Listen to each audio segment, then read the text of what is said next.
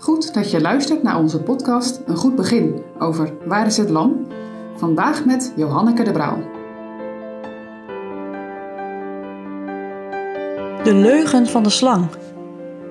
We lezen met elkaar Genesis 3, de eerste vijf versen. De slang nu was listiger dan al het gedierte des velds, het welk de Heere God gemaakt had. En zij zeide tot de vrouw: Is het ook dat God gezegd heeft: Gij lieden zult niet eten van alle boom deze hofs? En de vrouw zeide tot de slang: Van de vrucht der bomen deze hofs zullen wij eten, maar van de vrucht des booms die in het midden des hofs is, heeft God gezegd: Gij zult van die niet eten, noch die aanroeren, opdat gij niet sterft. Toen zeide de slang tot de vrouw: Gij lieden zult de dood niet sterven, maar God weet dat ten dagen als gij daarvan eet, zo zullen uw ogen geopend worden. En gij zult als God wezen, kennende het goed en het kwaad. Wat was het goed in de Hof van Eden? God had alles goed geschapen. Ook de mens, uit stof gemaakt, was zeer goed geschapen naar Gods beeld en tot leven gebracht door de adem van de Schepper zelf. Hij had deze mens een plaats gegeven in een prachtige tuin in de landstreek van Ede. Een paradijs met overdag een dak van blauwe lucht en witte wolken en de stralen van de zon. En s'nachts een fluweelzwarte deken met een maan en fonkelende sterren en verre planeten. Een tuin met prachtige dieren, met bloemen en planten.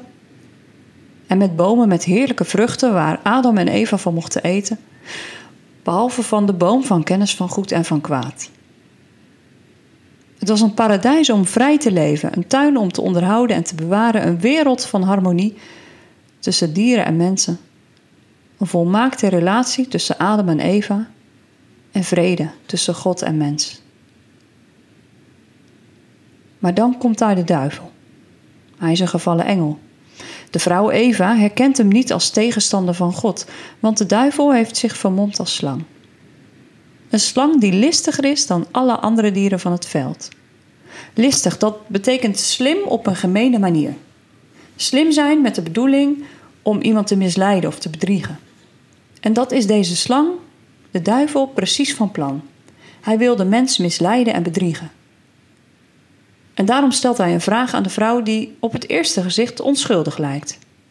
Is het ook dat God gezegd heeft dat je niet mag eten van alle bomen van deze hof? Het lijkt een onschuldige vraag, maar hij stelt de vraag zo dat het lijkt alsof de Heer heeft gezegd dat je van geen enkele boom mag eten. Zo zet de duivel nog steeds mensen graag op het verkeerde been. Hij zaait twijfel en zorgt ervoor dat je verkeerde gedachten krijgt over God. En dat doet hij op een slinkse manier. Hij sluit aan bij je zwakke punten. Of hij komt op een moment dat je zwak bent. De vrouw laat zich verleiden tot een gesprek. Ze voelt zich blijkbaar geroepen om tekst en uitleg te geven. Nee, zegt Eva, we mogen van alle bomen eten, behalve van de boom in het midden van de hof. Daarvan heeft God gezegd, die mogen we niet aanroeren, niet aanraken en daar mogen we niet van eten. Anders zullen we sterven. Ze zegt hier niet, dan zullen we de dood sterven. Het is alsof ze niet goed meer weet wat het gevolg zou zijn van het overtreden van het gebod van God. Dat is genoeg voor de duivel om de volgende stap te zetten.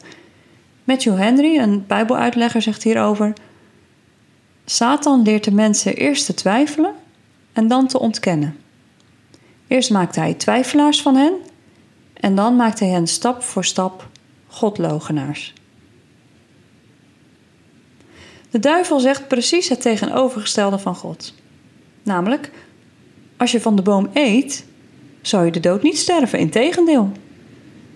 En dan komt hij met een regelrechte leugen. Als je van deze boom eet, van deze verboden vrucht, dan zal je aan God gelijk worden.